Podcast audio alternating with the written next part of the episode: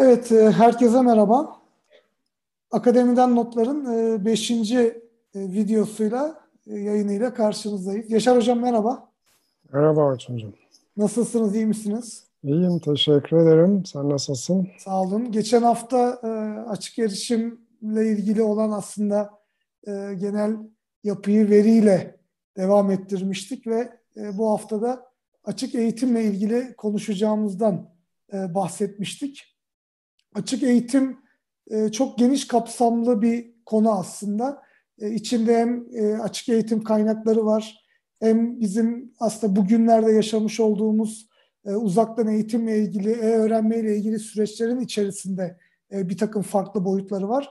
bunların aslında hemen hemen hepsine belki çok kısaca değiniriz.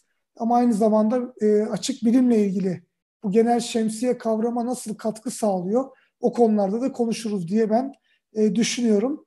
E, bu arada YouTube'daki canlı yayınımız da şu anda aktif.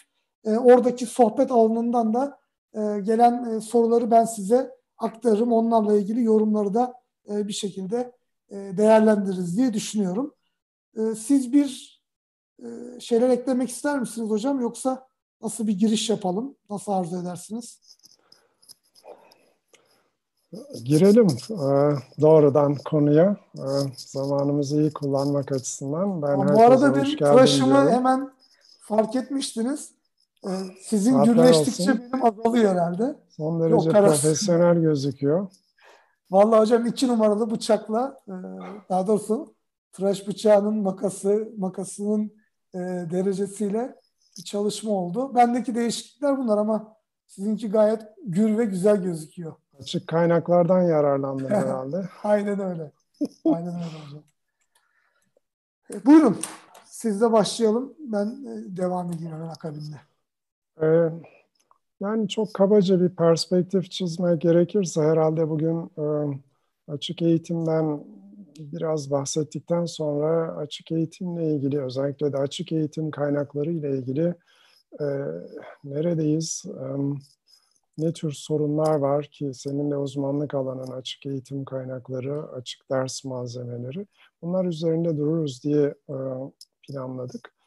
Açık eğitim sonuçta e, hani çok eskilere dayanıyor kuşkusuz uzaktan eğitim vesaire ama e, amaç bir şekilde özellikle üniversiteler dışında da insanlara yüksek öğretim e, imkanı tanınması üzerine kuruldu. Dolayısıyla da geçmişe baktığınızda işte e, açık üniversiteler vesaire kurulmuştur bizde de 1982'de Anadolu Üniversitesi ama ondan önce de işte mektupla öğretim, daha sonra televizyonla öğretim, 1990'ların ikinci yarısından itibaren de e, web öğretim başlamış. Özellikle de 2000'li yıllardan itibaren bu o açık eğitim çok daha, daha önemli hale gelmiştir. Hatta e, açık eğitimi de e, bizim daha önceki haftalarda konuştuğumuz açık bilim, açık erişim, açık kaynak e, kavramlarından ayrı düşünmemek lazım. Nitekim baktığımız zaman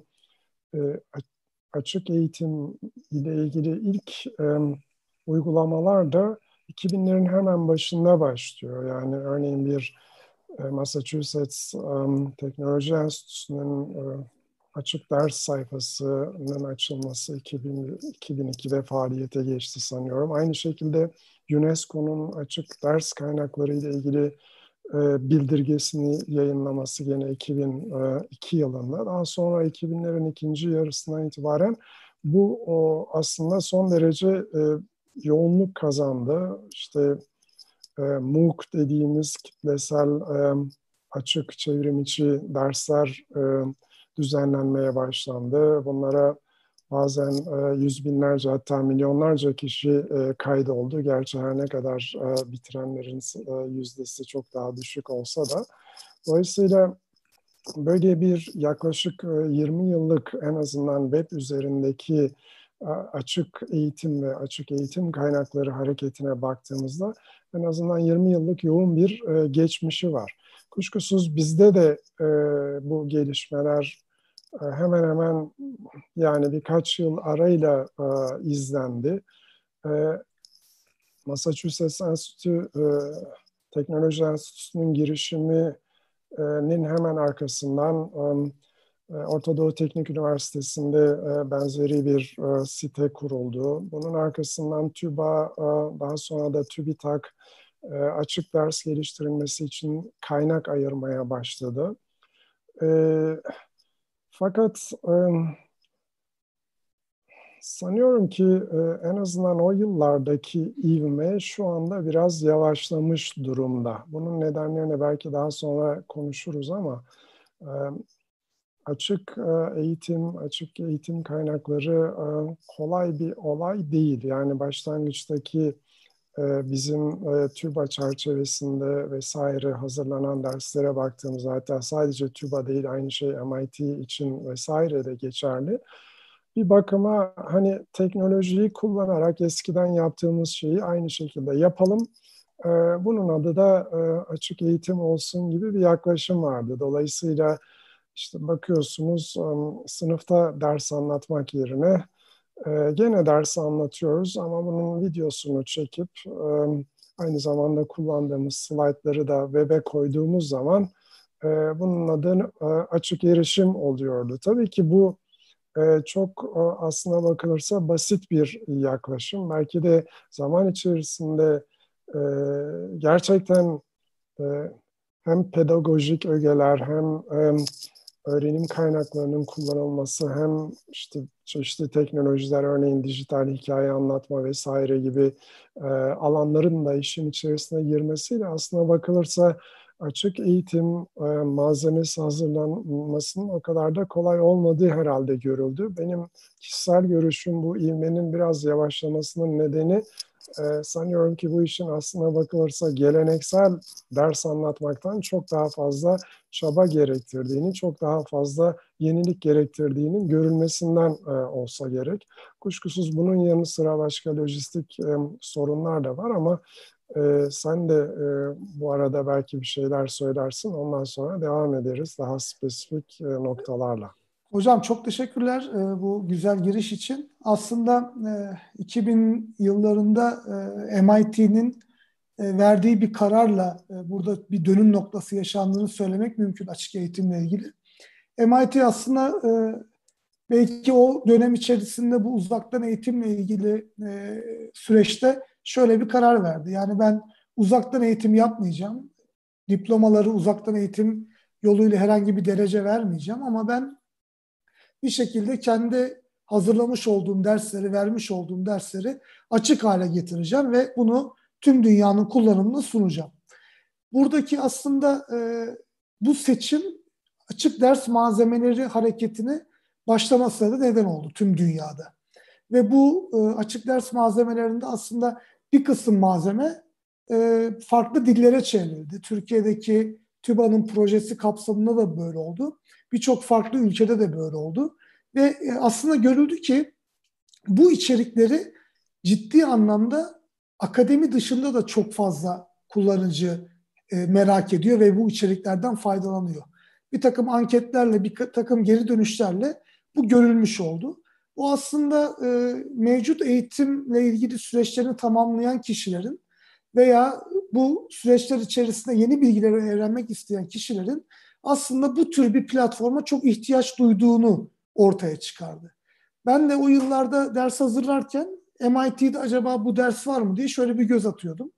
Ve o dersle ilgili güzel bir izlence, syllabus adını verdiğimiz yapı, bununla beraber okuma parçaları, e, tavsiye edilen kitaplar, e, dönem sonu veya dönem içi değerlendirmeleri ve işte sunumlar veya işte bazı ders videoları gibi çok güzel kaynaklar vardı. Aslında bu günümüzdeki uzaktan eğitimle ilgili veya açık öğretim sistemleriyle ilgili zaten hala hazırda yürütülen bir takım çalışmaların internet üzerinden çok geniş bir kitleye sunulmasıydı.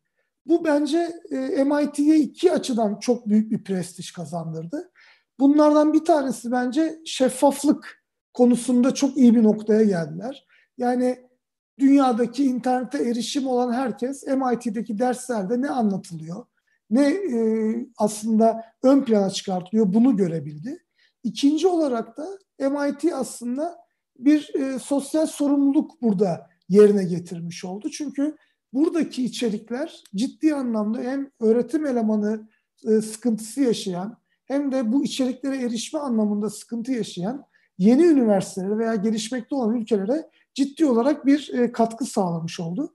Ve bu e, tüm dünyada açık ders malzemeleri adı altında yaygınlaştı ve e, ülkemizde de aslında e, bir anlamda yıllardır devam eden e, açık öğretim sistemi gibi veya uzaktan eğitim sistemi gibi yapılara bir paralel e, belki de imkan sağladı ve hemen hemen e, bütün vatandaşların e, erişebileceği bir sistem haline geldi. Çünkü gerek uzaktan eğitimle ilgili olan e, konularda gerekse de açık öğretim yapısında aslında bir sisteme kaydolmak, e, sistem içerisinde belirli bir aslında kullanıcı haline dönüşmek ve o aşamadan sonra bu içeriklerden faydalanmak söz konusu oluyordu. Ama MIT'nin açmış olduğu açık ders malzemeleriyle ilgili bu yeni harekette herhangi bir şekilde oraya bir kullanıcı oluşturmak, orada belirli bir ücret veya belirli bir prosedürü takip etmeye gerek olmaksızın bütün içeriklere açık bir şekilde erişebilmek mümkün hale geliyordu. Ki bence de açık ders malzemelerinin belki de o günden bugüne kadar halen ön planda olması, bir şekilde hala kullanılabilir bir platform halinde çalışmasına devam etmesinin en büyük faydası bu oldu diye düşünüyorum. Ee, zamanında 2000 dersin üzerindeydi. Bugün 3000 dersin üzerine çıkmış durumda. Ve aslında burada maliyet olarak da hiç az bir maliyeti yok. Yani bu bir e, açık ders malzemeleri olarak daha statik içeriklerin yer aldığı bir platform olsa da bunların hazırlanması, redakte edilmesi, internet ortamına uygun bir formata dönüştürülmesiyle ilgili e, yanlış hatırlamıyorsam MIT'nin ders başına 15-20 bin dolar civarında bir rakam bile o zamanlar ilk bu hayata geçirildiği zamanlar ödediğini ben biliyorum. Belki şu anda maliyet daha da düşmüştür ama e, burada ciddi anlamda yine geri planda bir emek ve maliyet var. Fakat buradaki en önemli nokta bence hemen hemen dünyadaki internete erişim olan herkesin bu içeriklerden faydalanabilmesi oldu. Ben e, açık ders malzemelerini e, bu isim olarak çok seviyordum ama e, yakın zamanda artık e, açık dersle ilgili olan yapı açık eğitim kaynaklarına evrildi. Yani sadece aslında burada malzeme olarak değil de süreç, bu kavram, kullanılan teknikler, yöntemler vesaire hepsi açık eğitim kaynakları altında geldi ve bugün aslında e, açık ders malzemeleri, MOOC'lar, işte benzeri e, Udemy gibi veya Coursera gibi platformlardaki açık kapalı içeriklerin tamamı aslında bir anlamda eğitim kaynağı olarak değerlendiriliyor ve bunların herhangi bir bariyer olmadan erişime sağlanması da açık eğitim kaynağı olarak değerlendirilmiş oluyor. Ben de böyle e, konuyla ilgili bir kısa e, özet yapayım istedim. Buyurun. Yani ben de bu o eğitim ders hikayesine dikkat çekmeyi düşünüyordum zaten. Gündeme getirdiğin iyi oldu. Belki de başlangıçta e, MIT'nin bunu courseware olarak adlandırması nedeniyle bizde de açık ders daha çok yaygınlaştı. Daha sonra da Yüksek Öğretim Kurulu işte e, bir takım e, girişimlerde bulunduğunda da böyle bir kurul oluşturuldu açık ders malzemeleri diye. Hemen arkasından üniversitelerde bir şekilde ADM kısaltmasıyla e, işte dersler sunuldu vesaire ama sanıyorum gözden kaçırdığımız bu olayın hani sadece geleneksel anlamda dersle kısıtlı olmadığı, çünkü teknolojinin bize ders dışında da çok geniş e, eğitim olanaklarının sağlanabileceğini gösterdi. E, fakat e, demin söylediğin şey belki de çok iyimser bir rakam yani 20 bin dolar ders başına çünkü aslına bakılırsa bu tür derslerin hazırlanmasına, geleneksel ders hazırlanmasından hem parasal olarak hem zaman olarak çok daha fazla zaman harcanıyor. Örneğin yapılan çalışmalarda ders başlamadan en az 100 saat öğretim üyesinin bunun üzerinde çalışması gerektiği, aynı zamanda bir ekip olması e, gerektiği, öğrenim kaynakları e, desteği veren, bilgi teknolojileri ders, desteği veren, dolayısıyla da son derece önemli. Artık pedagojik açısı, açıdan da demin birazcık değindiğim hani dersi çekelim, ondan sonra videosunu ve e, slaytlarını koyalım, işte 14 haftayı dolduralım e, hikayesi e, çok e, son kullanıcılar açısından e, tercih edilen bir e, yol olmadı maalesef. Yani şöyle ki biz de böyle bir e, ders hazırlamıştık hatırlarsınız, e, hatırlarsın o, o zaman e, yaptığımız şey her bir ders e, yaklaşık 50-60 dakikalık e, videodan oluşuyordu. 40-50 tane slide e, koyuyorduk vesaire.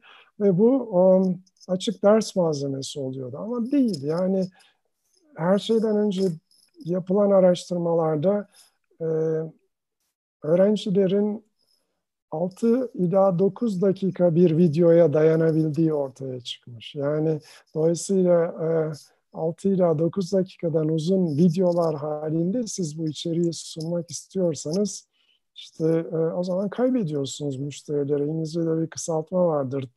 E, TLDR diye, Too Long Didn't Read. Onlar da herhalde Too Long uh, Didn't uh, See ya da Watch uh, diye aldılar bu olayı. Dolayısıyla da hani e, onun için diyorum yani bu içeriğin çok daha profesyonelce, çok daha ekip işi olarak hazırlanması e, gerekiyor. Ve e, bu çerçevede e, sanıyorum ki yeterince e, hani e, evet bir e, o zaman bir hareket vardı ama e, bunun üzerine sanıyorum ki daha fazla kaynak ayrılması gerekiyordu. Ben en son baktım acaba ne kadar kaynak veriliyor vesaire diye. Örneğin e, TÜBİTAK'ın e, desteklediği işte ders başına açık ders için şu anda 50 bin mi, e, 70 bin mi öyle bir e, şey var ama düşündüğünüz zaman bu çok büyük bir rakam değil o açıdan bakıldığında. Yani çünkü e, demin sözünü ettiğim ekip hikayesi son derece önemli. Kendi çektiğiniz bir videoda bile örneğin e, kullandığınız içeriğin e, hani profesyonelce sunulmasından tutun da telif haklarının e, temizlenmesine vesaireye kadar bir e, e, ekiple çalışma ihtiyacı duyuluyor burada.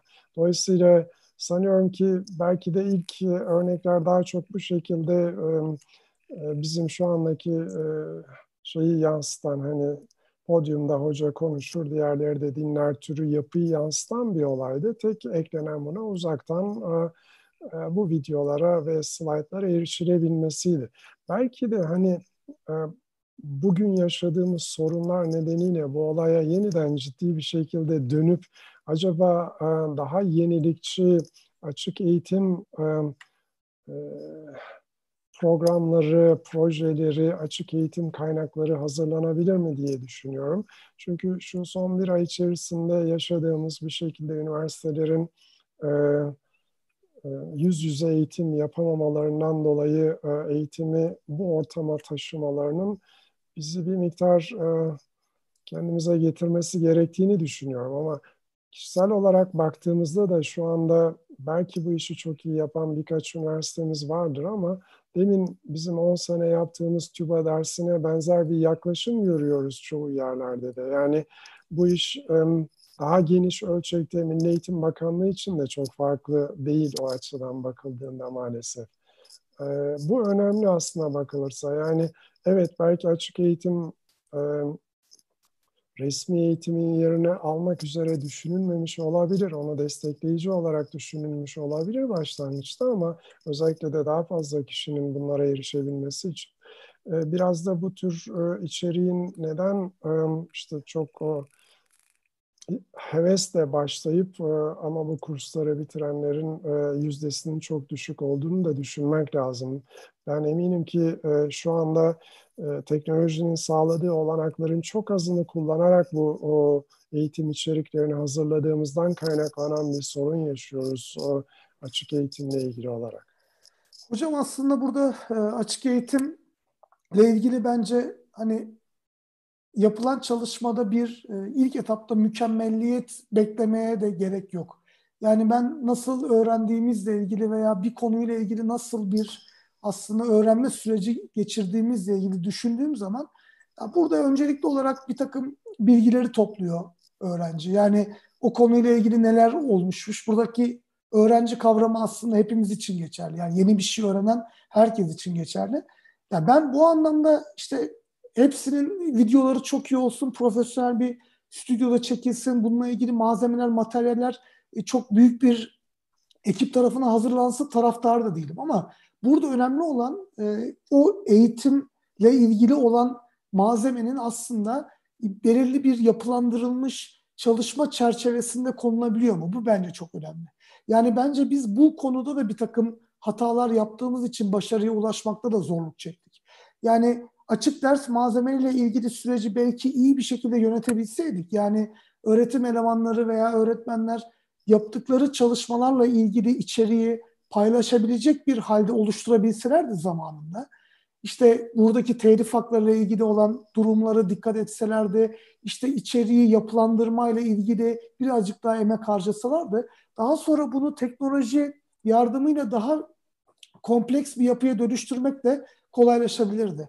Ama bugün işte herhangi bir dersi hazırlamak istediğiniz zaman ben bir kamera yerleştireyim, bu kamerayla çekmeye başlayayım dediğiniz zaman çok da başarılı olma şansınız olmuyor. Çünkü bu yapılandırılmış bir çalışma şekline devam etmiyor. Sınıf içerisindeki o etkileşimi de bir şekilde yakalayamadığınız zaman eğer rutin bir video ders hazırladığınızda o zaman bir takım sıkıntılar ortaya çıkabiliyor. Ama bence şu anda yapılabilecek çalışmalardan bir tanesi bu ders malzemeleriyle ilgili olan süreci bir, bir yeniden ele almak. Yani siz bugün bir ders hazırlamak istiyorsanız iyi bir izlence hazırlamanız gerekiyor. Yani bu 13-14 hafta içerisinde haftalık 4-5 saatlik bir çalışma mı gerektirecek? Buna göre iyi bir yapılandırma oluşturmak gerekiyor. Aslında bunun temelinde bir kitap nasıl yazılıyorsa ve bunun içindekiler listesi ne kadar önemliyse bir dersin yapılandırılmasıyla ilgili çalışmada da bence bu içerik kısmı çok önemli. Hani biz burada neler hedefliyoruz, neler bekliyoruz, nelerle ilgili çalışmalar yapıyoruz diye. MIT'nin yapısına dönecek olursak aslında ekranı da ben paylaşayım, oradan da bakarak devam edelim. Yani bunun etkilerini çok iyi bir şekilde e, gözlemleyebiliyoruz. Mesela burada işte computer science ile ilgili basit bir arama gerçekleştirelim. Buradaki bir takım e, ders yapıları var. Mesela işte Information, Introduction and Scope diye bir ders var. Herhangi bir derse aslına bakabiliriz. Çok da önemli değil. Yani bu ders yapısının içerisinde işte bir syllabus yapısı ön plana geliyor. Yani işte bu ne kadarlık bir emek harcanacak? Bu konuyla ilgili sıkça sorulan sorular nelerdir? Bunun akabinde bir takvim, takvim içerisinde işte quizler, e, değerlendirmeler, problem setleri oluşturulmuş. İyi bir okuma parçası. Yani belirli bir kitap takip edilecekse bunun hangi chapter'ları ne zaman yapılacak diye. Ve buna ek olarak aslında değerlendirmeler, bir takım tutorial'lar vesaire zaten bence biz bu aşamada bir çalışma yaptığımız zaman artık buna lecture videolarını yani o ders videolarını ekleyip eklememenin de çok fazla bir esprisi kalmıyor. Ama biz buradaki yapı içerisinde hani syllabus'la ilgili, takvimle ilgili, okuma parçalarıyla ilgili, hedeflerle ilgili düzgün bir içerik oluşturmadığımız için bununla ilgili bu aşamaları atlayıp hadi biz bununla ilgili hemen bir video çekelim, hemen biz bununla ilgili bir dijital içerik hazırlayalım deme noktasında bence çok da başarılı olamıyoruz. Ama biz açık ders malzemelerinin o ilk yıllarından itibaren yani 2000'li yılların başından itibaren bu izlencelere, takvimin yapılandırmasına, hangi noktada öğrencinin neye ihtiyacı olduğunu belirleyip eğitim teknolojilerini o noktada devreye sokmayı bir şekilde iyi bir e, noktaya getirebilseydik, bunu kurgulayabilseydik, bence bunun üstüne bir takım ders videoları, işte etkileşimli içerikler vesaire ekleyip bunu çok iyi bir noktaya getirebilirdik diye düşünüyorum. Yani bir dersin iyi bir kitabı varsa ve bu iyi kitaba herkesin erişimi bir şekilde varsa bu kitapta yeterli gelmeyen noktaları eğitim teknolojisiyle aşmak kolay.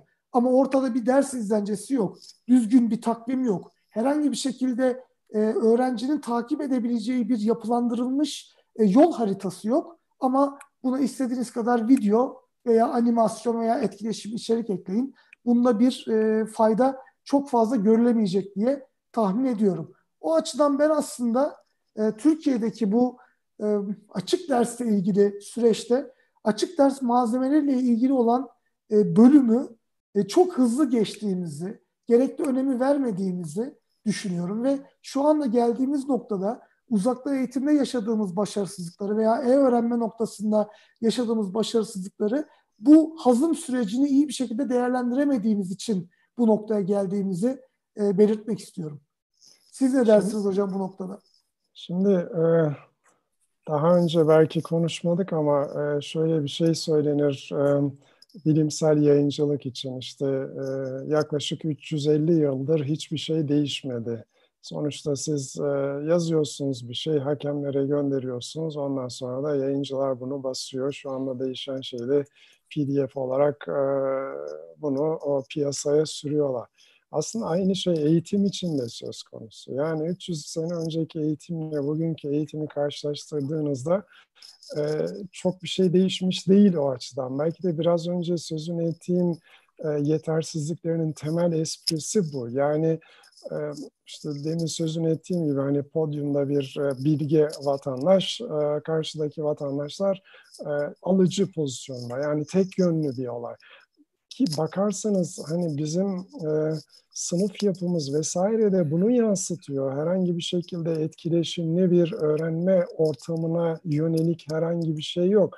Dolayısıyla ister istemez biz alıyoruz bunu online e, eğitime uygulamaya çalışıyoruz. Yani yine tek yönlü. Halbuki belki geçmişte bu bir dereceye kadar bağışlanabilir. İşte internet yoktu vesaire falan ama şimdi e, bir sürü olanak varken hala e, biz demin sözünü ettiğin yani dersle ilgili temel kavramların işte beklenen çıktıların neler olacağının, öğrencilere kazandırılacak becerilerin neler olacağının tartışma e, tartışılması aşamasındayız. Bu gerçekten son derece aslında bakılırsa üzücü. Çünkü eminim ki hani e, şu son bir, bir buçuk aydaki e, Yüksek Öğretim Kurulu'nda oluşturulmuş sayfalara baktığınızda da biraz önce ne söylemek istediğim çok kolay anlaşılabilir aslında bakılırsa. Ama biz birazcık bazı kavramları kendimize göre tanımlama konusunda mahir bir e, ülkeyiz. Dolayısıyla e, sanılıyor ki bu da e, açık eğitim ya da açık eğitim kaynakları. Onun için biraz önce dedim belki de bir miktar e, bizim değişimimizde itici güç olabilir bu o, e, şu anda yaşadığımız e, işte uzaktan e, online eğitim olanaklarının sonuna kadar kullanılması olayı. Hatta öyle ki biz henüz daha gerekli altyapı vesaire konusunda da çok iyi olduğumuzu söyleyemeyiz. Yani e, hani tamam paketliyoruz bir yere ama e, senkron, eş zamanlı bir e, eğitim sadece karşıdaki pasif e, öğrencilerin dinlemesinden öteye bir şey yapamıyoruz. Buna da senkron demek ne kadar doğru bilemiyorum. Tamam teknoloji bize işte küçük gruplar yaratma imkanı veriyor, şu bu vesaire ama onlara yönelik içerik e, hazırlamadığımız için de bunu kullanamıyoruz. Yani bu olanakları kullanamıyoruz. Belki bu dönem için işte sömestre başladıktan birkaç hafta sonra böyle bir şeye dönüşmek zorunda kaldığımız için bir dereceye kadar anlaşılabilir ama e, sanıyorum ki bir şekilde demin sözünü ettiğim 300 yıllık e, e, başarılı olamadığımız dönüşümü başarma konusunda daha çok çalışmak için bir e, bir e, yani itici güç olur bu o, sömestre yaşananlar ve e, önümüzdeki yüz döneminden e, itibaren belki daha ciddi olarak bu konuya e, eğilebiliriz diye düşünüyorum. Elbette e, hani teknoloji olsa bile bir takım sorunlar vesaire var. Elbette online ortamda um, offline ortamda olduğu kadar etkili, etkileşimlilik e, gerçekleştirilemeyebilir ama görülen o ki online ortamda da e, öğrenciler ya da e, öğrenenler e, daha çok hani birbirleriyle etkileşimlerinden öğreniyorlar. Dolayısıyla MOOC'larda bu e, kitlesel açık e, çevrim içi derslerde e, dersi bırakmanın temel e, nedenlerinden bir tanesi de herkes bırakmaya başladığında etkileşimde bulunacak öğrenci sayısının azalması nedeniyle olduğu söyleniyor. Tamam, e, proje olarak bakıldığında belki e, hani dediğim gibi tamamen e, geleneksel yüz yüze eğitimin yerini al, alması için planlanmamış olabilir bunlar ama en azından yüz yüze eğitimin de e, bu tür şeylerle daha iyileştirilmesine olarak sağlayan teknolojiden söz ediyoruz. Bizim yapmamız gereken o demin sözünü ettiğimiz 300 e, yıllık e, bir türlü kıramadığımız yaklaşımları kırıp daha yenilikçi, daha öğrenmeyi artırıcı yöntemler izlememiz, bunu yapabilmemiz.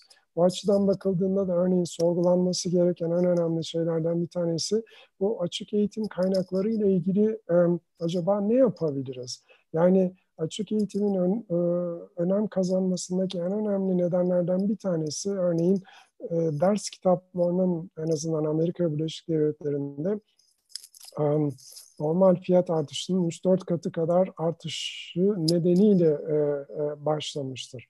Fakat şu anda görüyoruz ki yani üniversiteler en azından içeriği dinleme vesaire konusunda e, herhangi bir ücret talep etmiyorlar belki ama son 10 e, sene içerisindeki gelişmelere baktığımızda bu dersleri e, içeriği izlemek ücretsiz fakat herhangi bir sertifikasyon gerektiğinde vesaire bunun için ödeme yapıyorsunuz. Belki hala e, ucuz olabilir. Örneğin işte MIT gibi bir yerden e, bir derece almak, e, ne bileyim 100 bin dolar vereceğinize 8-10 bin dolar vermek ama söylemek istediğim bunun üzerine yeni bir e, girişimcilik alanı ortaya çıktı. İçerik sunuluyor ama bunun ötesinde bir sertifikasyon gerektiğinde de belirli bir para ödenmesi gerekiyor. sen daha aşinasın bu konulara. Ne bileyim Udemy, e, Han Akademi, Coursera gibi e, çok değişik e, modeller var şu anda bu, bu tür açık eğitim e, fırsatları ile ilgili olarak. Şimdi bunların üzerine üniversite benim kişisel kanım e, çok fazla bir şey getiremedi. Ee, belki haksızlık olacak. İşte Harvard edX'i kurdu, bir başkası e, Kaliforniya Üniversitesi başka bir şey yaptı vesaire çalışıyorlar. Doğru ama e, hala örneğin e, bunun um, sürdürülebilirliği konusunda sanıyorum ki yapmamız gereken çok şey var. Yani aynı şey Hocam, onlar için söz konusu evet. olduğu gibi bizim için de söz konusu burada şöyle yapabiliriz. Belki bir ben örnek üzerinden gitmek istiyorum. Müsaade ederseniz. Ee, onun için ekranı paylaşayım. Benim geçen e, dönem verdiğim bir ders vardı. Bu derste e, aslında ileri programlama içerisinde e, Python'da biz temel çalışmaları yaptıktan sonra dersin devamı niteliğinde makine öğrenmesiyle ilgili bir takım çalışmalar yapıyorduk. E, Udacity'de bir ders var. Bu derste aslında e, normalde Google'ın profesyonelleriyle beraber oluşturdukları bir yapı. Ve aslında e, sıfırdan bir şekilde dersi videolarla, örneklerle ve kendi hızınızı kendiniz e, bir şekilde ayarlayarak yapabildiğiniz bir çalışma.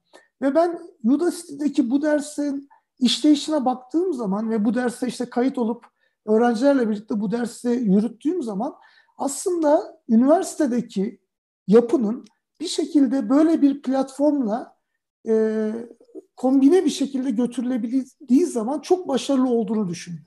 Şimdi benim buradaki örnekleri tekrar tekrar derste yapma şansım yok. Bir kere haftada 3 saatlik bir e, krediniz var aslında bu ders e, özelinde. Bununla beraber öğrenciye bu içerikleri belki hazırlama şansınız da çok fazla yok. Yani bu videoları iyi bir şekilde hazırlamak, içerikleri hazırlamakla ilgili olarak. O zaman burada belki şöyle bir nokta e, oluşturulabilir. Yani belirli bir kısmı, dersle ilgili belirli bir içeriği bu tür platformlardan alıp öğrenciyle etkileşim kurabileceğiniz ortamları da kendiniz oluşturarak bu yüz yüze derslerde olabilir. İşte e, Zoom tarzındaki veya Skype tarzındaki platformlarda beraber e, bir takım etkileşimler olabilir. Oluşturabilmek. bence üniversitelerde bizim e, es geçtiğimiz noktalardan bir tanesi bu oldu. Yani dersin belli bir kredisi var. Bu kredi aslında biz de e, ECTS kredilerini vaka uyguluyoruz aslında teoride ama e, sonuç itibariyle öğrencilere yüz yüze geldiğiniz bir 2-3 saatlik şey oluyor. Fakat sizin 12-13 haftalık bir ders içerisinde 2-3 saatlik derslerle hedeflediğiniz noktaya ulaşmanız çok güç. O zaman işte burada açık dersle ilgili bir takım içeriklerden faydalanıp dersi bunlarla zenginleştirip bir noktaya gelebilmek önemli. Yani burada bu dersin e, yapısına baktığınız zaman şöyle göstereyim. Şuradaki şeyini minimize edeyim pardon. Yani burada bakın bir ders videosu var. Bu ders videosuyla beraber herhangi bir şekilde bununla ilgili örneğe gittiğiniz zaman etkileşimli bir arayüz içerisinde bu örnekleri test etme, bu örnekler üzerinde çalışma şansına da sahip olabiliyorsunuz. Google Colab diye bir platform oluşturmuş. Burada bir not defteri var aslında kabaca. Bu not defteri içerisinde hem dersi çalışıyorsunuz hem de buradaki kodlarla ilgili çalışmaları test edip deneme şansına sahip oluyorsunuz. İşte biz bu noktada bu araçların hiçbirini kendimiz üretmediğimiz zaman bu kabul edilebilir. Evet bu bunları hazırlamak zor ama bunları araştırıp bunlardan işimize yarayabilecek olan kısımları ders içerisinde bunlarla birlikte harmanlayamadığımız zaman işte o zaman bence e, üniversiteyle ilgili veya akademiyle ilgili yapılabilecek birçok şey yapmamış oluyoruz. Yani ben derste bu konuları anlatıyorum. Bunlarla ilgili buradaki örnekleri de yapıyoruz. Bu etkileşimli collab tarzındaki kod yazabileceğiniz platform içerisindeki e, örneklere de bakıyorsunuz. Ve bununla beraber aslında bizim eğitimle, bu orta öğretimde veya yüksek öğretimde hiç fark etmiyor. Öğretenin rehber konumunda olduğu bir modele geçiş yapmak için bize ciddi bir fırsat sunuyor. Ve sizin öğretmen olarak o konuyla ilgili her şeyi bilemeyeceğiniz gerçeğine de aslında e, vurgu yapıyor.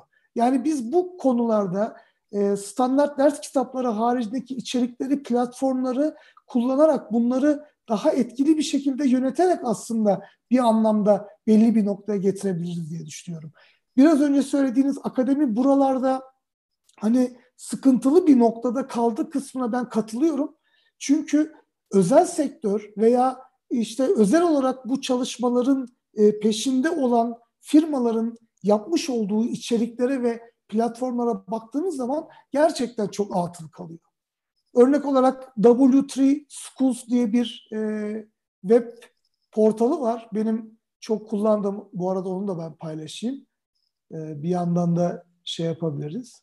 Şuradan W3 School diye gireyim. Yani weble ilgili, e, programlama dilleriyle ilgili, veri tabanlarıyla ilgili gerçekten yapabileceğiniz her türlü çalışmayı adım adım izleyebileceğiniz bir yapı var. Yani buradaki tutoriallardan bir tanesine gelip ben CSS öğrenmek istiyorum dediğiniz andan itibaren buradaki bölümlerde her bir aşamayı teker teker ilerleyip buradaki anlatımlardan sonra kendi kendine deney ekranına geçip burada yazmış olduğunuz kodun bir şekilde karşılığını görüp üzerinde değişiklikler yapıp bilgisayarınıza herhangi bir ek yazılım, ek çalışma yapmadan istediğiniz zaman istediğiniz yerden buna devam etmek hakikaten büyük bir olanak. Ve biz bu olanağı aslında üniversitelerde ne kadar kullanabildik? Derslerin içine bunları ne kadar yerleştirebildik? Hani ben teknik konularda ders verdiğim için daha çok teknik örnekler gösteriyorum ama sosyal bilimlerle ilgili birçok farklı konuda da benzeri platformlar var. Sadece programlama dilleriyle ilgili değil. Ben bu açıdan çok geri kaldığını akademinin, bunların harmanlanması konusunda yetersiz kaldığını ve öğretim elemanlarının da bu konularda proaktif olmadığını düşünüyorum ve açık eğitimin aslında bu konularda insanların ben bunun için param yok, benim bunun için kaynağım yok, benim bunun için altyapım yok deme lüksünü de kaldırdığını düşünüyorum. Açık eğitimin bu açıdan çok önemli, çok kıymetli olduğunu da düşünüyorum. Bu arada e, bazı yorumlar da var hocam. Sizin e, bilgilerinizi aktarmanızdan sonra o yorumlara da şöyle bir bakalım. Buyurun. Ya bu söylediklerine katılıyorum. Yani akademiyanın bu bağlamda birazcık güncelin gerisinde kaldığını düşünüyorum. O da e, bizim eğitim sistemiyle ilgili hani bu e, çok uzun süreden beri devam eden kaşıkla besleme olayını biz örnek olarak alıyoruz. Ama öğrenciler şu anda online ortamdaki olanakları görüp bunları kendi başına kullanmaya başlayınca e, bir bakıma e, hani üniversitelerin bu o çerçevede online ders diye sunduklarının ne kadar aslında bakılırsa geliştirilmesi gerektiğini de görmüş oluyorlar o açıdan. Elbette e, fen bilimlerinde olduğu gibi sosyal bilimlerde de çok ilginç şeyler yapılıyor. Artı bu iş artık siyah beyaz değil. Yani teknolojik gelişmeler nedeniyle pekala hala e, interdisipliner gruplar e, değişik dersler verebiliyor vesaire. Fakat işte o, o içeriği e, öğrenciler tarafından tercih edilebilir hale getirmek sanıyorum ki en büyük sorun bu. Yani bunu düzeltmedikçe de yani ne bileyim öğrencilerin belki de gözünde ilgisiz bir takım içerikler üretildiği gibi bir izlenim oluşuyor olabilir o açıdan bakıldığında. Yani Allah aşkına son bir ay içerisindeki dersleri düşündüğünüz zaman özellikle de e, hani şu da aklına gelmiyor değil insanın. Acaba bir yabancılaşma söz konusu mu? Yani eskiden hiç olmazsa yüzünü görüyordun öğrencilerin vesaire. Şu anda e, o da söz konusu değil. E, sen konuşuyorsun yine ama e, soru soran bir ya da iki kişi oluyor. Yani e, zaten çok az olan o, o sınıftaki etkileşim de bir bakıma e, daha da azalmaya başladı bizim bu o, e, online derslerde gibi bir e, e, izlenim edindim ben. Yani şu Belki anda başkalarının evet. izlenimleri farklıdır ama yani hocam şu anda videoyu çekip onu koyup öğrencinin izlemesiyle bizim canlı ders yapmamız arasında da bir fark kalmıyor maalesef. Evet, evet. Yani sizin evet. dediğiniz gibi orada Şimdi öğrencinin en azından yüz ifadelerinden bir şeyler çıkartmak mümkün olabiliyordu. Şimdi onu da yapmak çok zor. Bir de tabii e, bağlanan kişilerin platformları da çok müsait olmuyor. Evdeki ortam vesaire şeklinde. Doğru, doğru. O etkileşimi de kaybediyoruz ama buradaki bence temel noktalardan biri şu. Yani öğrencinin zaten hiçbir şekilde derse katılmayla ilgili şeyini yüksek tutamıyorduk son yıllarda özellikle. Bu uzaktan eğitim süreçlerinde iyice sıkıntıya gelmiş oldu. İşte belki de kendi kendine öğrenebilme veya işte o yaşam boyu öğrenme sürecini kendi kendine belli bir noktaya getirebilme yetkinliklerini mi acaba yükseltmemiz lazım öğrencinin? Yani bizim karşımıza geldiği zaman problemleri tartışmak, çözüm üretmek, proje üzerinde konuşmakla mı geçirmeliyiz zamanı e, ders anlatmak yerine? Tamamen öyle. Yani e, bunlar zaten e, aslına bakılırsa gündemde olan konular. İşte karma eğitim, e, ters yüz edilmiş eğitim vesaire gibi birçok model var biliyorsun. Dolayısıyla biraz önceki TensorFlow o ile ilgili verdiğin örnekte olduğu gibi hani her ortamın mümkün olan en iyi taraflarını getirebilmemiz gerekiyor. Birazcık burada sıkıntı yaşıyoruz biz. Moda ee, yaklaşımla herhalde yakından ilgili ama ben yine de ümitliyim. Yani e, çünkü e, bütün bu olanaksızlıklara rağmen e, çevrim içi içeriye erişim sayılarının hani bir belirleyiciliği kuşkusuz var. Ne kadar e, güvenilir bilmiyorum ama e, oldukça yüksek olduğunu görüyorum Türkiye'de de. E, bu açıdan da demek ki bir içeriye açlık söz konusu. Artı istediğin zamanda istediğin yerden bu içeriye erişim müthiş bir esneklik sağlıyor öğrenciler açısından da. Yeter ki onlara çok iyi hazırlanmış içerikler sunabilelim. Bu kısımda bir miktar çalışmamız gerekiyor diye düşünüyorum ben. Bilmiyorum konuşacak kadar vaktimiz var mı ama aynı zamanda açık eğitim e, kaynaklarına da bu çerçevede değinmekte yarar var belki. Yani e, seneye gittiğinde, iki sene sonra gittiğinde aynı içeriği bulabiliyor mu öğrenci? Böyle bir sıkıntı da var Türkiye'deki dersler açısından bakıldığında. Yani e, her ne kadar adı açık ders ise de e, bir şekilde kapıda ne bileyim kimlik göstermek zorundasın ya da e, sonucu değişiyor, erişemiyorsun ya da e, öğretim üyeleri birazcık kendilerini garantiye almak için içeriği hani bütün dünyaya açmak istemeyebiliyorlar. Bu belki de e, kullandıkları malzemelerin telif hakkı içeren bir takım e, tarafları olabileceği kaygısından da kaynaklanabilir. Örneğin e, herhangi bir yerden bir video almışsınızdır, göstermişsinizdir. Bu tür şeylere sık sık rastlanıyor. İşte diyelim ki program çekimi sırasında bir dakikalık bir videoyu pekala kullanabiliyorsunuz ama bir sene sonra gittiğinizde telif hakları nedeniyle o video kısmına geldiğinde karartılmış bir şeyle karşılaşıyorsunuz. Bu açık eğitim kaynaklarını yönetmek durumunda kalan üniversitelerdeki e, ilgili birimlerin, kütüphaneleri vesaire de önemli sorunlarından bir tanesi aslında.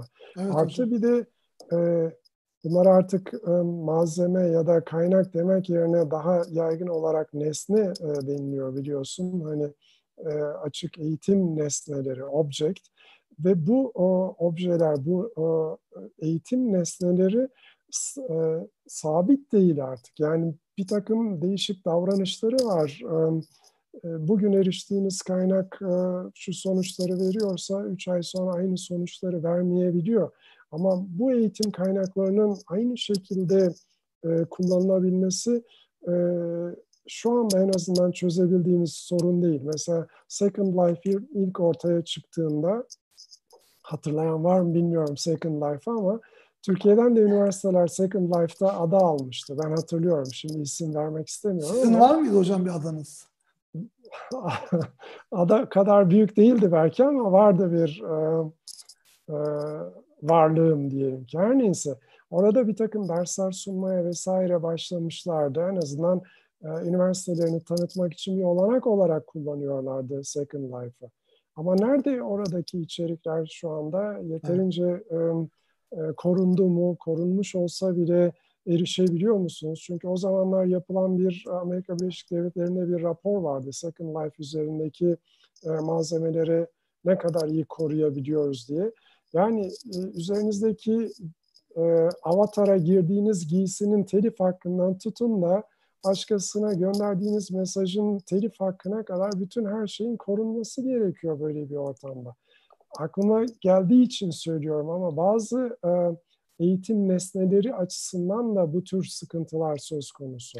Hocam Dolayısıyla... bir örnekle şey yapabilir miyim? Mesela e, güncel bir örnek olması açısından sözünüzü kestim kusura bakmayın.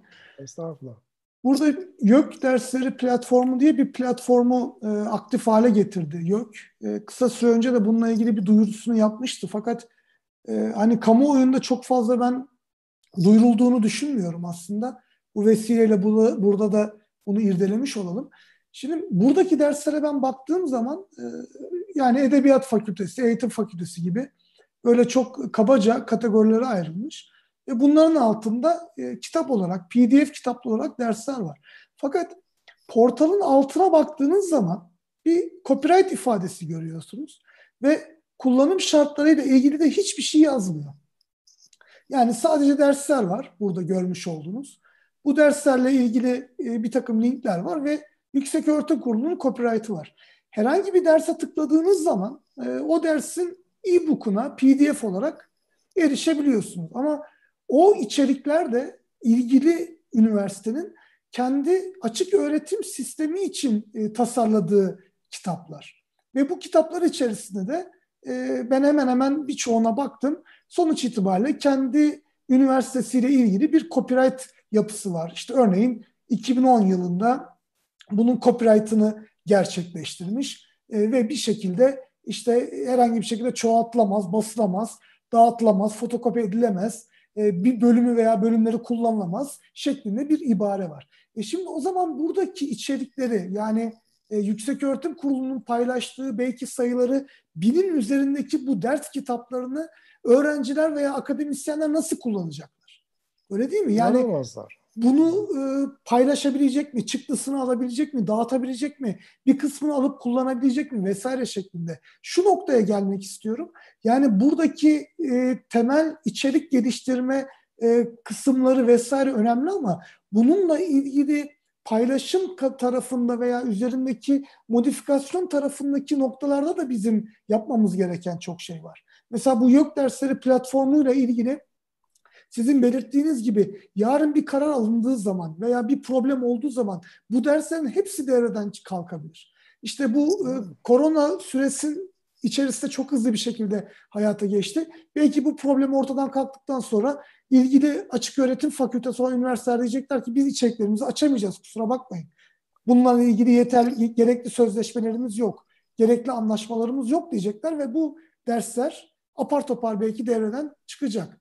Yani bu benzeri olarak birçok farklı portalda var ama işte e, e MIT'nin sitesinde, e, ODTÜ'nün açık ders malzemeleri sitesinde, e, TÜBA'nın açık ders malzemeleri projesinde bizim o zaman yaptığımız e, çalışmalar içerisinde. Veya işte e, yine Orta Doğu'daki e, hocalarımızın hazırladığı bilgi iş gibi platformlarda bir şekilde bu kullanım şartlarıyla ilgili bir takım değerlendirmeler, düzenlemeler var. İşte Creative Commons'ta lisanslanması, açık lisanslarla ilgili yapılar vesaire. Yani bizim burada bu içerikleri açarken acaba bu içeriklere yarın bir gün nasıl erişilecek, bununla ilgili çalışmalar nasıl yapılacak onu bir şekilde devreye almamız lazım. En güzel örneği sizin e, araştırma yöntemleri dersiniz.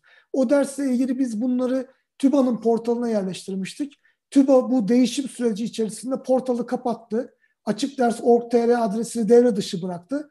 Açık ders nokta org.tr'ye geçti. E bizim bütün bağlantılarımız, bütün linklerimiz e, hepsi ne yaptı? Ölü bir bağlantı haline dönüşmüş oldu. Yani bu açık ders süreçlerinde diğer bütün açık kavramlarında olduğu gibi erişimle ilgili noktalara ve lisansla ilgili noktalara çok dikkat etmemiz gerekiyor diye düşünüyorum.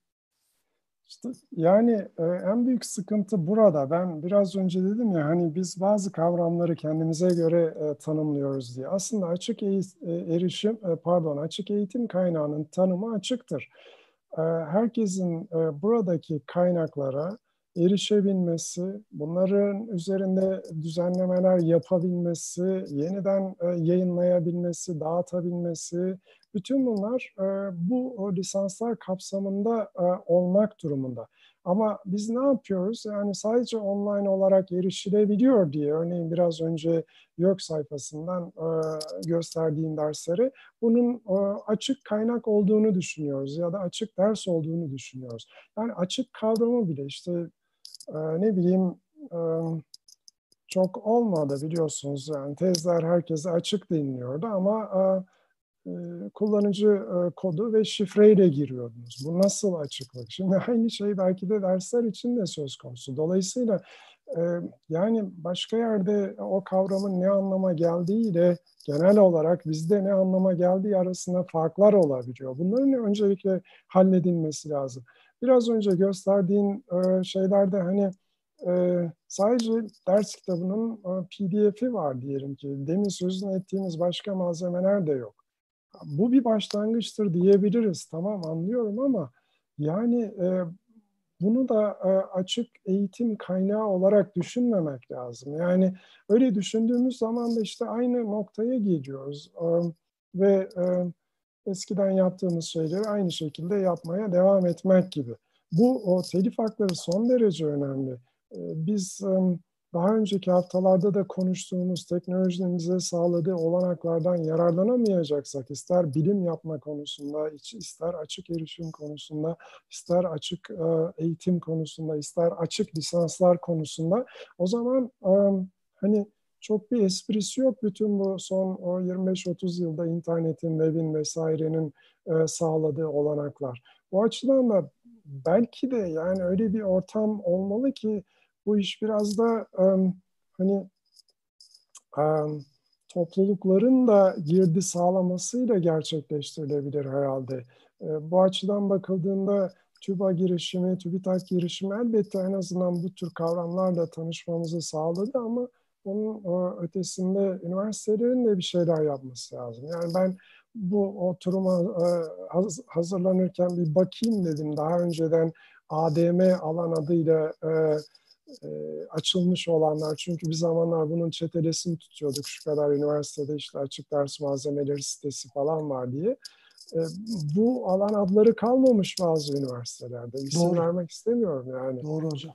Şimdi e, hocam bir saate yaklaşıyoruz. E, az evet. bir zamanımız kaldı. Bazı ben e, izleyicilerimizden gelen yorumları paylaşmak istiyorum. E, birkaç tane soru var.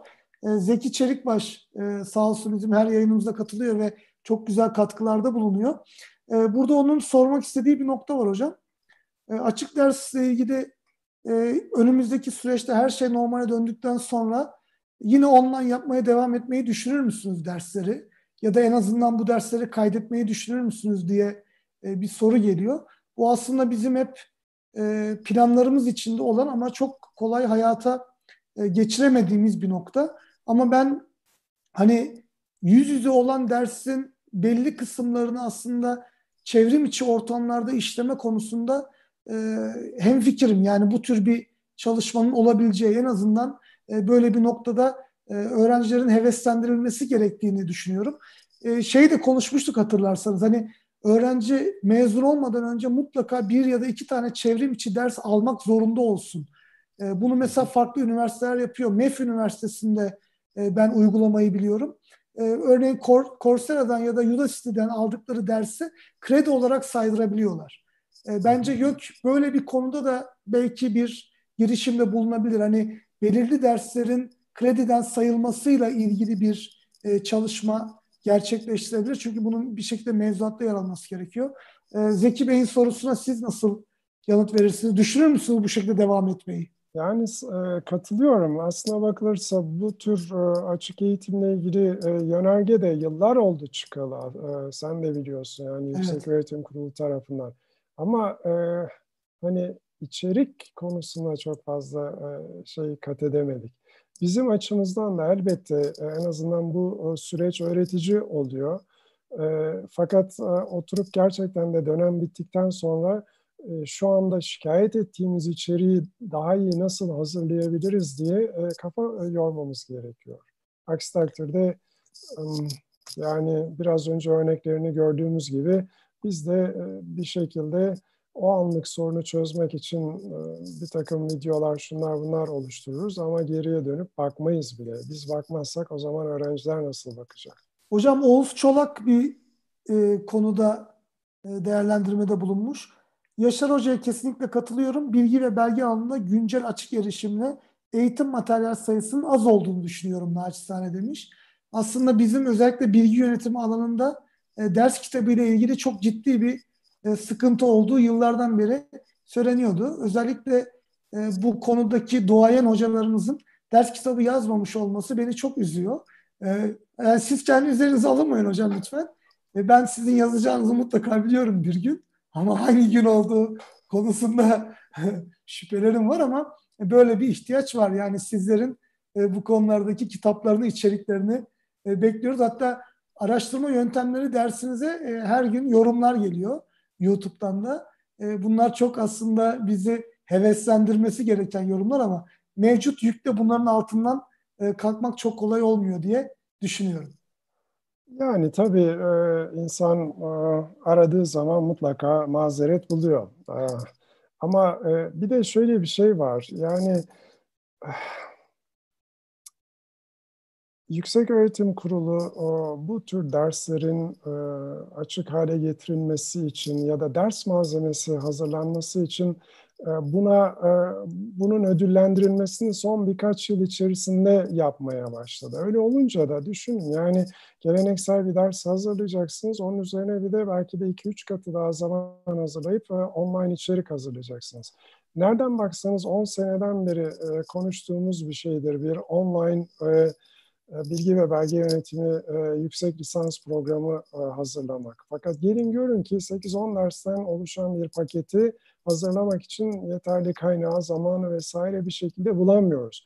Yani burada ders kitabı işin belki de e, bana göre en azından online içerik açısından bakıldığında ikinci yıl. Çünkü ders kitabı Evet bir e, yan kaynak ama son derece durağan yapısı olan bir kaynak. Biraz önce yok sitesinde gösterdiğin e, kaynaklar gibi. Bunun ötesine geçebilmeliyiz. Bunu yapabilmek lazım. İşte orada da işbirliğine ihtiyaç var. Yani oturup bir kişinin bir kitap yazması değil, bu içeriği online ortamda tüketecekleri dikkate alarak e, bir şeyler yapması lazım. İşin zor kısmı bence bu. Takım çalışması gerektiren kısmı bu. Evet hocam. Bazı yorumlar da var. E, Meltem Özkan da işte bu e, öğrencilerin ta, tanıştırmaya çalışıyorlar bu tür ortamlarda hani bu online ortamların farklı kullanımlarıyla ilgili bahsetmiş. İlkay Yolt e, üniversiteler öğretim elemanlarını bu eğitim materyallerini paylaşabilmekleri için kaynak sağlama diye eklemiş. E, Zeki Çelik başta katılım ve başarı sertifikası sorunu var demiş. Yani işte online sınavlar üzerinden bunlar yapılıyorlar. E, sertifikalarla ilgili durumlar vesaire diye. Tabii işin değerlendirme boyutu da e, çok e, aslında soru işaretleri oluşturan bir nokta. Hocam e, yaklaşık bir saat beş dakikaya yine geliyoruz. Bir saati çok aşmayalım diye. Durabiliriz evet. Hı-hı. Planlamıştık. E, bu arada Mustafa Şahin hocam da e, bir mesaj iletmiş. Ona da çok e, sevgilerimizi gönderiyoruz. Önemli konular diyor. Öğrencinin profili önemli değil mi diyor. Bence çok önemli tabii. Uzaktan eğitimde e, online bir çevrim içi bir ortamdaki öğrencinin profili çok çok önemli. Öğretmenin profilinin önemli olduğu gibi bence o konuda da var. E, Umut Al Hocam da bir eklemede yapmış. Ders programı bazında programın çevrim içi olması ya da olmaması dışında sıfırdan bir şey oluşturmak, içeriye yatırım yapmak, müşteriyi mutlu etmek önemli. Umut Hocam her zaman müşterinin mutlu olması için e, çaba sarf ediyor. ben önemli. E, işte hocam bir değerlendirme yaptık aslında. Yani 2000'li yıllarda MIT'nin vermiş olduğu bir kararla açık ders malzemeleri hareketi başlıyor.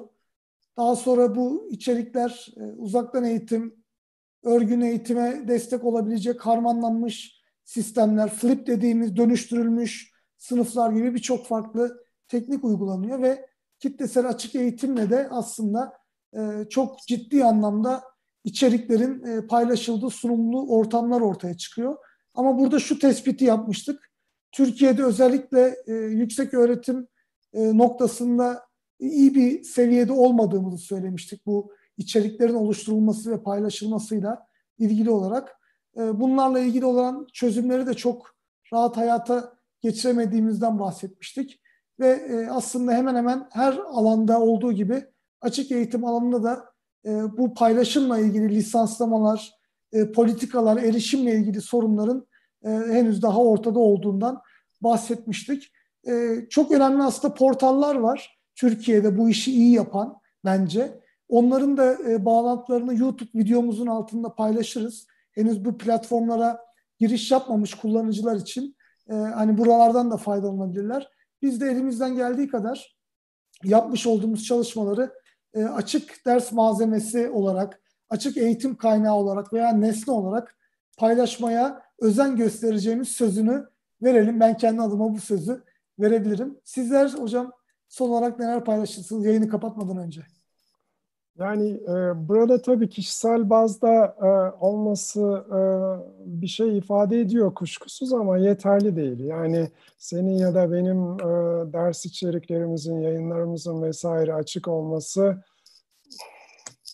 yani açık evet ama e, yeterli mi? Onun ötesine gidebilmek lazım.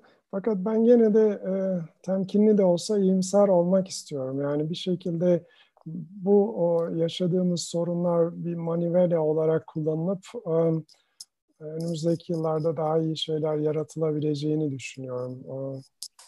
Umarım uh, yanılmam. Çok teşekkür ediyorum hocam. Bundan sonraki e, çalışmamızı yine çarşamba günü saat 16.30'da yapalım. E, tamam. Şu an yani bu süreçte o tarih ve zamanı sabitleyelim diye düşünüyorum sizin için de uygunsa. Tamam. Peki. Önümüzdeki haftanın konusunu düşünelim mi yoksa şimdi açıklayıp kendimizi bağlayalım mı? epeyce açıkla devam ediyoruz. Yani bugün birazcık bahsettik ama bilemiyorum açık lisanslar. Olur, güzel olur hocam. Belki konuşmak. bu sefer konuk da alırız. Ee, olabilir. Yani. Açık lisanslarla ilgili destek de alabiliriz. Bakalım bir kurgulayalım. O zaman e, akademiden notların 5. yayınını tamamlıyoruz. E, Yaşar hocamla ben Orçun Madran e, bir şekilde açık eğitimle ilgili bazı konulara değinmeye çalıştık. E, herkese sağlıklı günler diliyorum. Görüşmek üzere. İyi akşamlar.